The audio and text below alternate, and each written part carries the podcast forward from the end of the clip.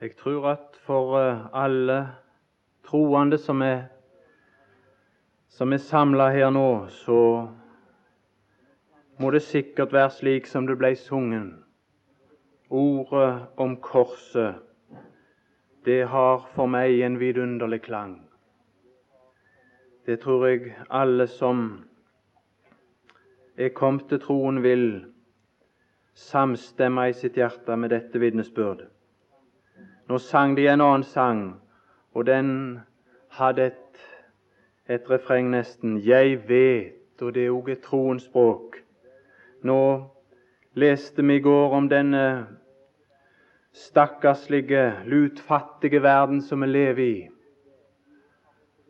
og som preger vårt folk og vår tid som over sitt alter må skrive en ukjent Gud, så er vi samla om dette som vi minte hverandre om i går, at vi har en kjent Gud gjennom et alter, gjennom Kristi verk på Golgata kors. Men så tenkte jeg at vi i disse, dette første møtet i dag skulle stanse for om lese ut ifra Bibelen om denne ting, hvem det var som døde der på Golgata kors. Hvem var det som led korsdøden? Korset det er jo den dypeste punkt i hans fornedrelse. Men hvem var det som gikk så langt ned? Det føler jeg en trang etter å, understreke og proklamere for oss som er samla her i dag. Hvem det var som døde der. Bibelen tillegger det fall en stor betydning og viktighet. Jeg vil lese til å begynne med derfor et vers fra profeten Malakias. Profeten Malakias, det første kapittel, og der er det sjuende vers. Og Malakias han var den siste av profetene som talte i Det gamle testamentet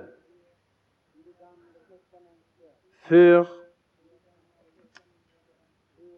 før den Herre Jesus sjøl fremsto. Og det var i mørke tid. Det var ikke ei tid uten gudsdyrkelse. Nei, det pågikk for fullt i Jerusalem.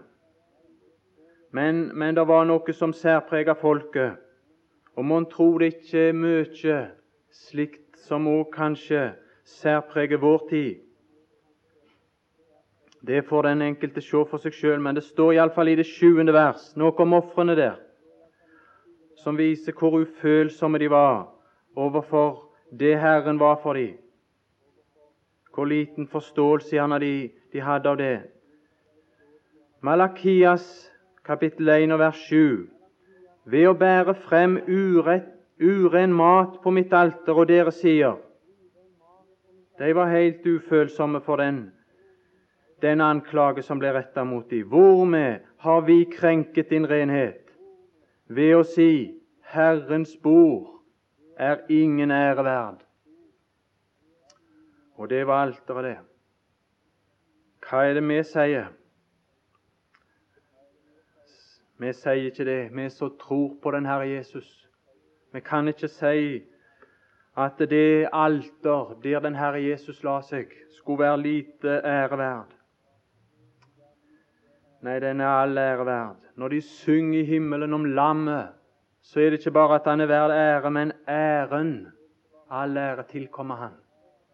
Og så står det når dere kommer med et blindt dyr for å ofre det, er det da intet ondt deri? Et blindt dyr kom de med, som ikke kunne se. Og hva er det som, som gjerne sies? Kristus han var bonden av sin samtid. Han visste ikke mer enn sin samtid. Han så ikke lenger. Var han Gud? Ja, sier mange, han, han var Guds endegyldige representant. Men Gud i absolutt forstand, Nei, nei, det går ikke an. Nei, Gud er for stor til det.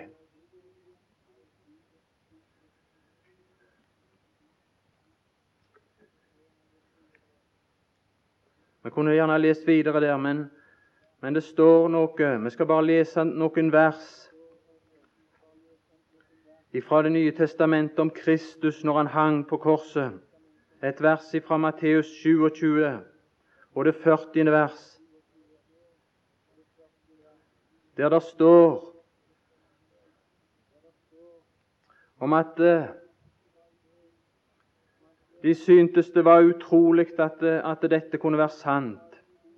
I det 40. verset i Matteus 27 så står det Er du Guds sønn, da stig ned av korset. Der kan du i alle fall ikke passe. Hvis du er Guds sønn. Det harmonerer ikke. Stig ned av korset. Det var Guds sønn som hang på korset. Guds sønn som elsket meg og gav seg selv for meg.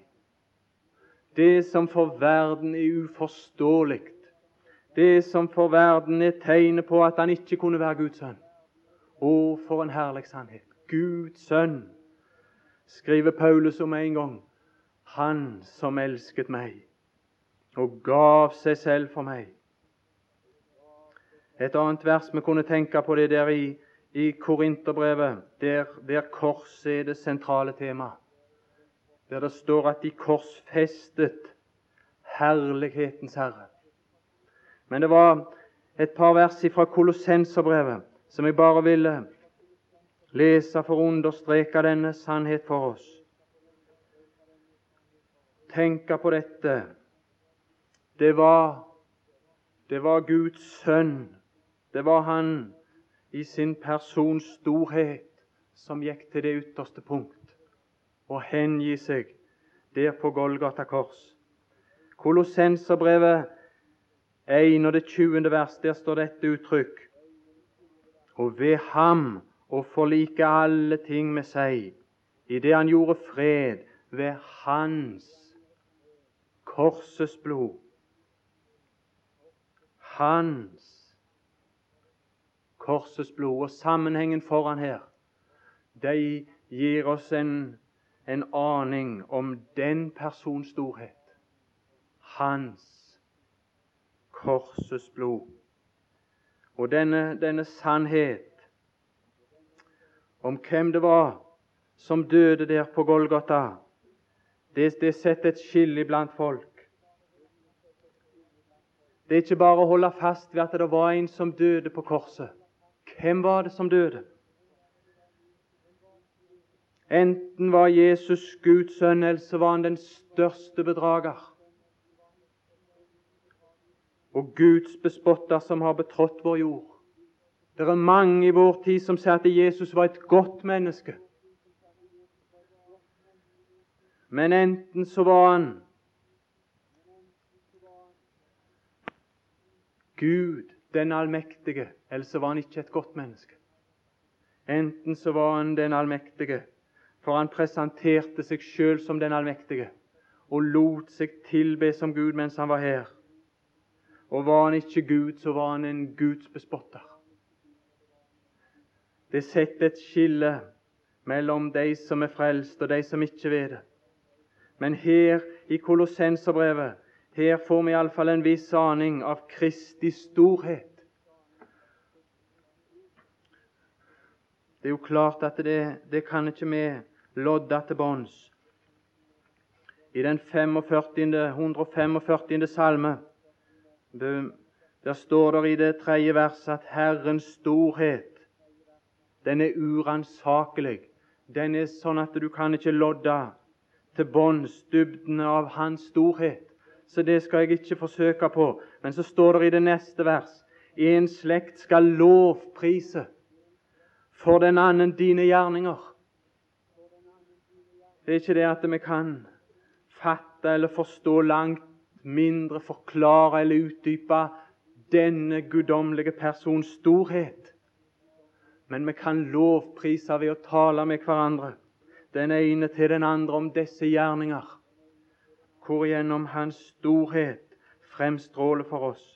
Og her i Kolossenserbrevet, det første kapittel, her, her er det en oppregning av Kristi storhet før dette uttrykk møter oss. Hans korsets blod. Hvem var han? En plass i Guds ord så står det ved ham, ved hvem alt er.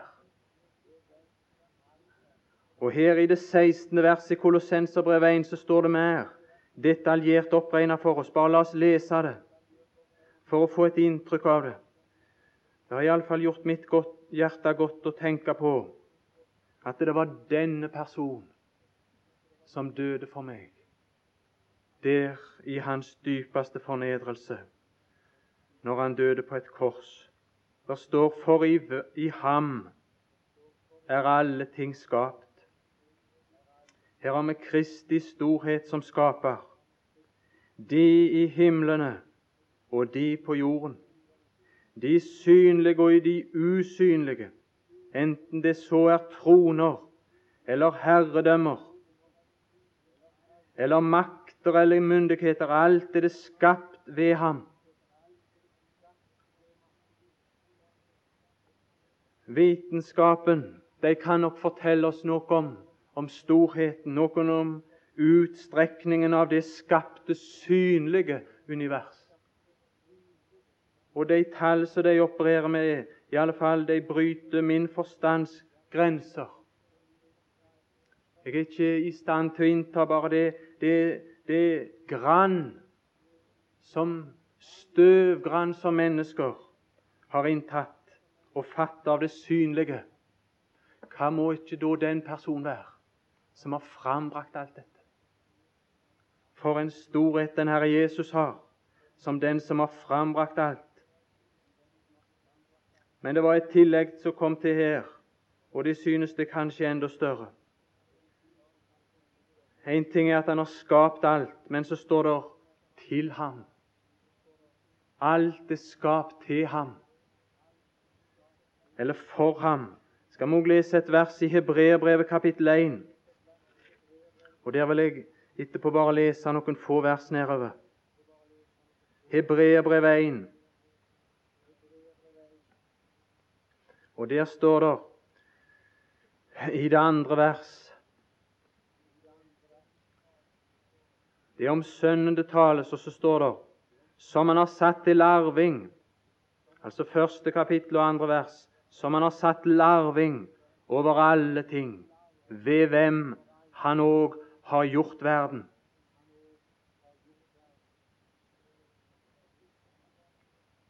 Om vi forflytter oss tilbake i vår tanke, det er sikkert ikke så lett, men til den, den dag når universets grunnvoller ble lagt.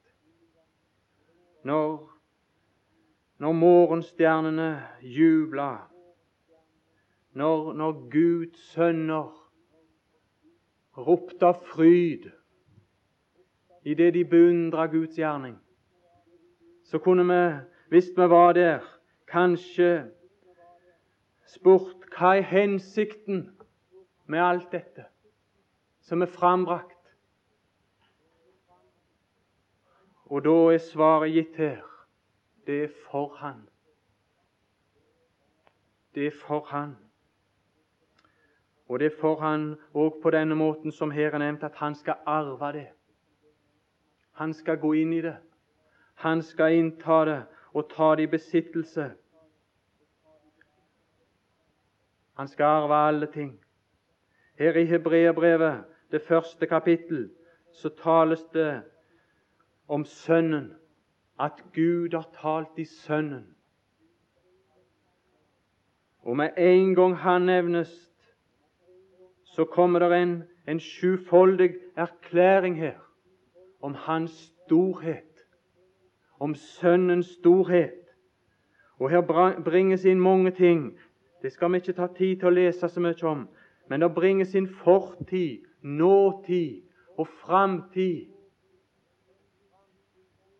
Her bringes inn Guds herlighet. Her bringes det inn våre synder. Og alt bringes det inn. I første omgang for å framvise Hans storhet. For å åpenbare Guds sønns storhet. Universet er nevnt, men det er nevnt bare for å si at Gud har innsatt Sønnen til arving over alle ting. Det er det første som sies. Hensikten, målet med alle Guds gjerninger, det var Sønnens ære, Sønnens opphøyelse og herlighet. Universet og alt som synlig like så vel som det som er usynlig, hadde ikke hatt noen eksistens om det ikke var som en scene der Guds sønns herlighet skulle åpenbares.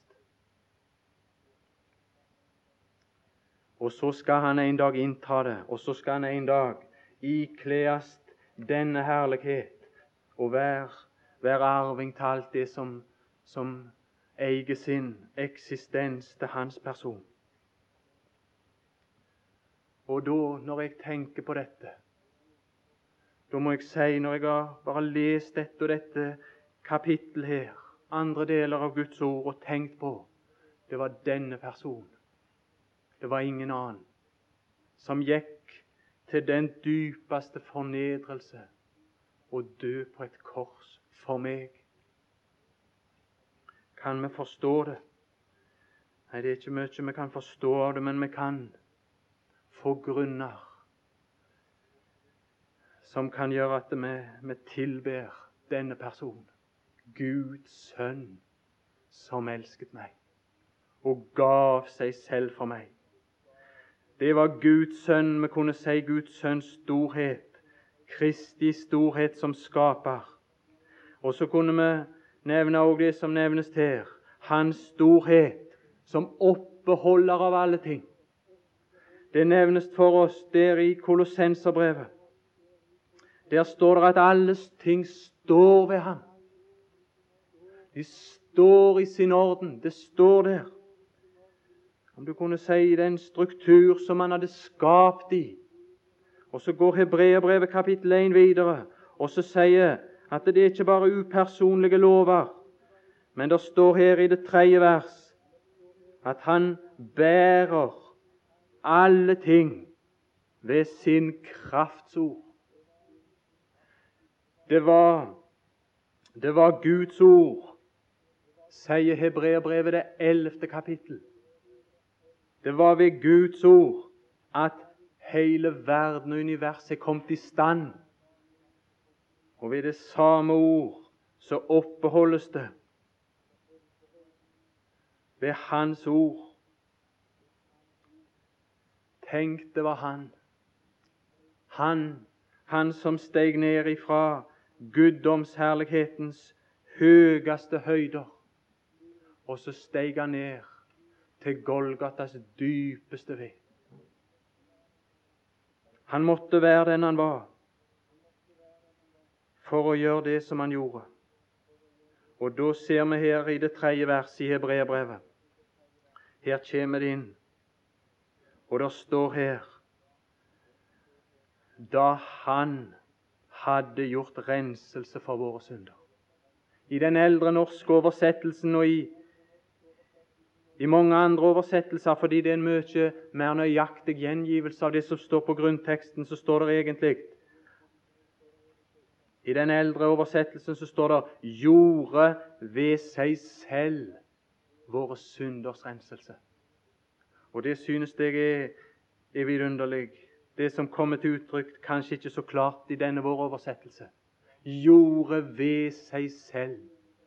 Andre plasser så er det, så er det gjort ved kjærlighet. Det er gjort i guddommelig kjærlighet.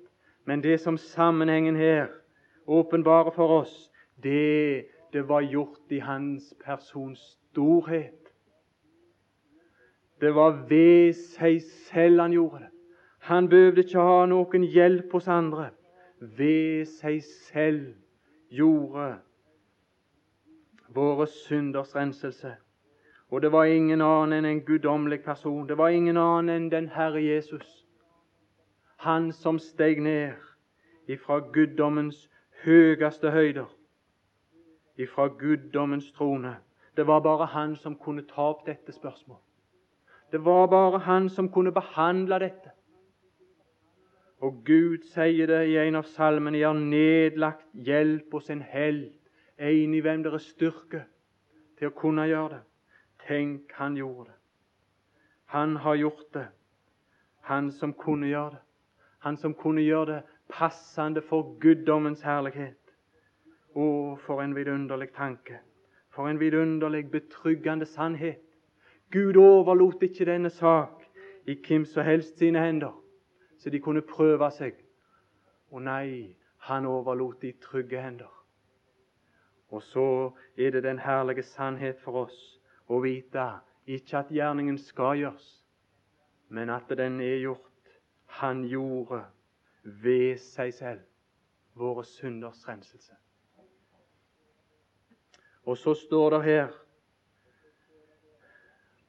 at det derfor, da han hadde gjort renselse for våre synder, satte han seg ved majestetens høyre hånd.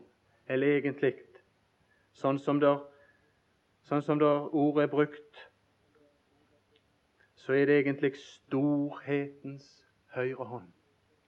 Når han hadde gjort dette storhetens verk, så i sin store person så satte han seg ved storhetens høyre hånd, som var den eneste plass, som var den passende plass for denne personen som hadde gjort denne gjerning. Det er bare Gud som kan sitte på Guds trone, men her var en. Og i denne sammenheng, og sånn som det framstilles her Litt senere så framstilles det fra en annen synsvinkel, men her framstilles det ikke sånn at han venta på å, bli bedt om å sette seg der. Nei, han satte seg der i kraft av sin persons storhet.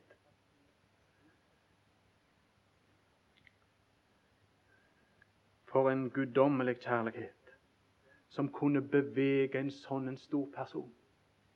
Og tenke på å gå til det skritt og dø korsets død for en ussel skapning som min sjel.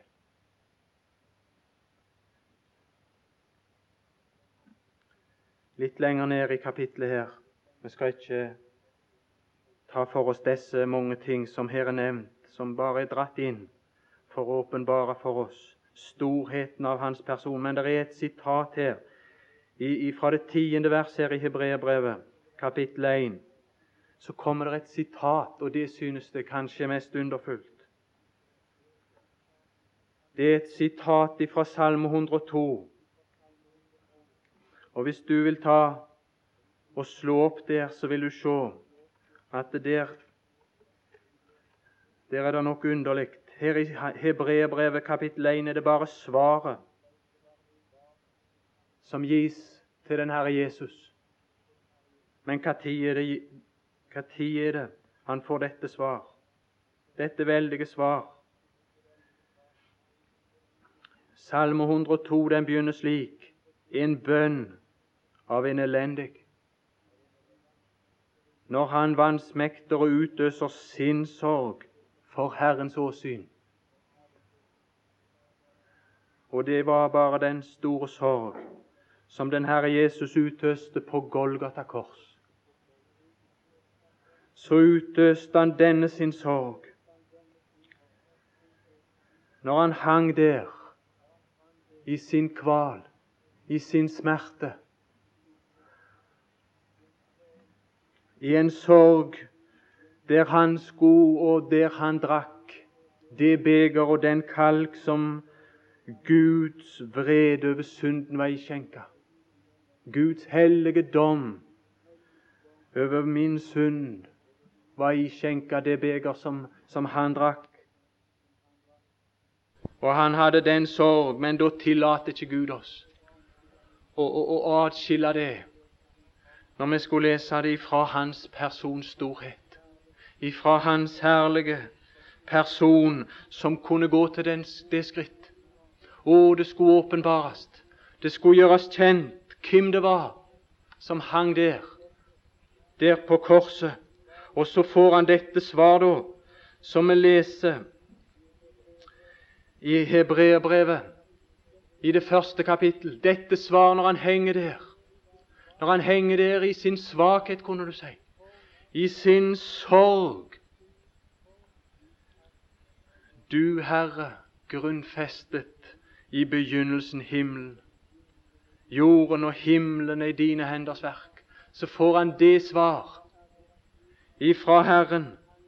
Det svar at Han er den blivende, den uforanderlige, den som er skaperen, den som er opphavet til alt.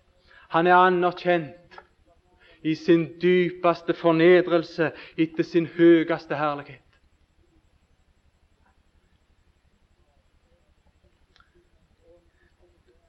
Ånden kunne ikke tillate oss å atskille fra denne usammenlignbare scene hans storhet. Tenk, det var han som døde på Golgata. Det var den Herre Jesus. Det er Han som skal avslutte alt dette. Alt som har, har vist seg. Alt som er synlig. Det er Han òg som skal avslutte det. Bare et, et vers og to til fra, fra Johannes evangeliet, det tolvte kapittel, som et kanskje et siste inntrykk som jeg ville vi skulle ta med og tenke på, og kanskje grunne på i vårt sinn.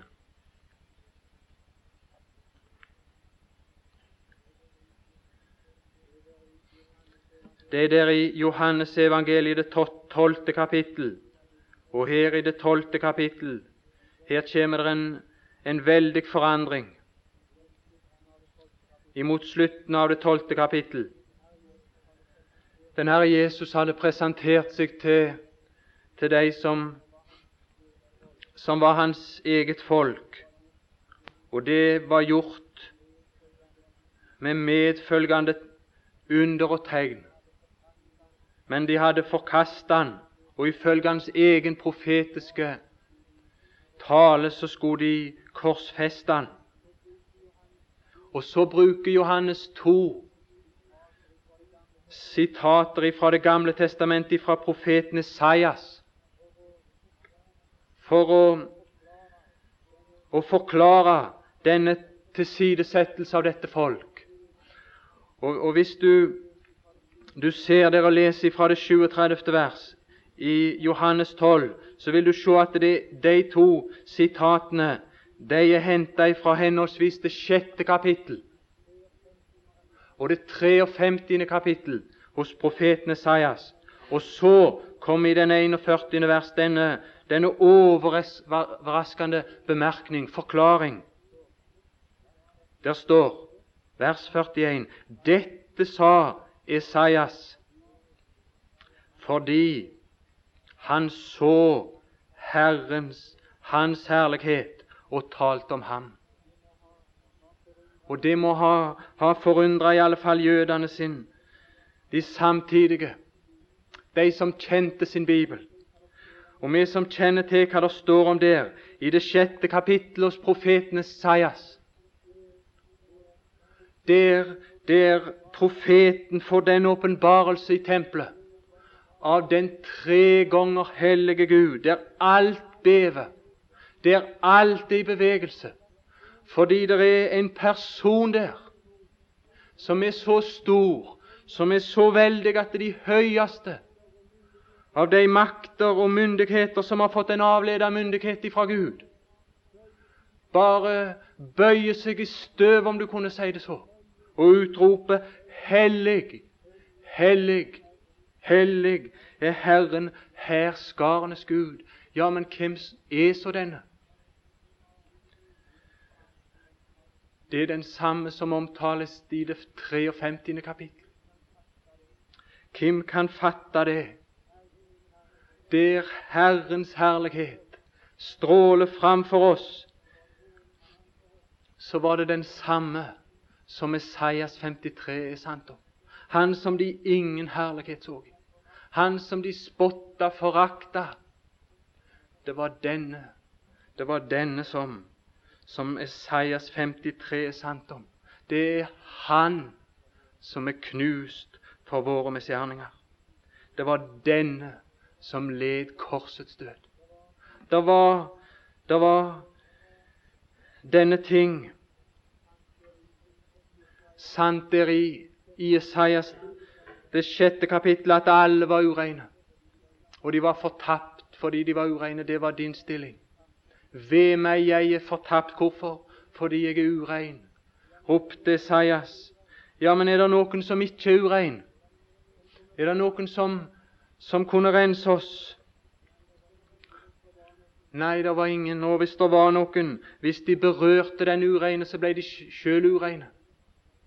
Det var bare én som var reine. Det var den tre ganger hellige Gud. Det var Herren, herskarenes Gud, den tre ganger hellige.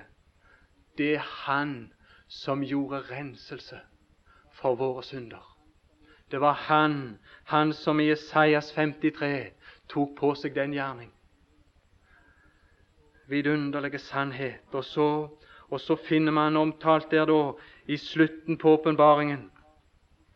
Der er han omtalt, lammet. Og vårt lam, det var ikke et blindt lam. Det var ikke en hvilken som helst, men det var Guds sønn. Og så finner vi Guds sønn på samme trone som Gud. Der har han gjort renselse. Og der kan hver og en som har kommet til tro på den Herre Jesus, få inngang i den stad der ingen urein kom inn, men der de kom inn som er rensa i lammets blod. Og der jeg skal inn, og der jeg har min lodd og min del i det nye Jerusalem. Han, han har gjort renselse. Hans korsets blod. Hvem var det som var på korset? Det var skaperen av alle ting. Det er oppeholderen av alle ting. Var det naglene som bandt han til korset? Han som er oppeholderen av alle ting. Ikke bare oppeholderen av alle ting, men alle tings avslutter. Den tre ganger hellige Gud under helligdom på Golgata kors. For min skyld. For din skyld. Og så har han brakt renselse. Skulle vi ikke tilbe han? Skulle vi ikke opphøye han? Hans korsets blod. Det skriftstedet der i Kolossenserbrevet 1, det tror jeg er det videste perspektiv vi kan tenke oss av Golgata kors. Hans korsets blod. Han gjorde fred, og så skal alle ting forlikes. Så skal hele universet en dag inn på en ny grunn for Gud. Inn på den grunn som Guds sønn la i sin død på Golgata kors. I kraft av hans korsets blod så skal alle ting, forstandige og uforstandige vesener, iallfall uforstandige skapte ting, skal forlikes. Forstandsvesener, de skal få en annen plass. Men så er det vi, da. Vi som òg var fiender. Oss har han òg forlikt. Forlikt, vi som var i våre vonde gjerninger. Fiender oss har han forlikt. Ved dette vers, ved dette verk, skal vi be. Ja, Herre Jesus, vårt sinn er kanskje en ettermiddag atspredt, men Herre Jesus, din storhet gjør at vi, vi forstår ikke noe av det. Men, men det gjør ingenting. Vi finner fryd i å ha lært deg å kjenne som den uransakelige Gud. Å, hvor glad vi er at ikke vi kom til en sånn som du kan finne ende på å forstå så godt. Å, men vi kjenner ditt hjerte. Å, du hengav ditt hjerteblod for oss når du døde. Du døde, du som er så stor. Du som ikke kan fatte i din storhet, så har du åpenbart en kjærlighet som ikke er mindre enn din persons storhet for det kom ifra ditt hjerte. Lovet være ditt navn. Vi vil i alle fall lovprise deg for dine gjerninger, så langt som har kjent de. Å, måtte vårt hjerte springe av fryd i tanken på dette, Min sjel er rensa i kraft av din fullbrakte gjerning. Rensa så min sjel er rede for, rensa for det nye Jerusalem, herlighetens stad. Å, hvor vidunderlig det er å bli minnet om det. Vi takker deg for dette. Amen.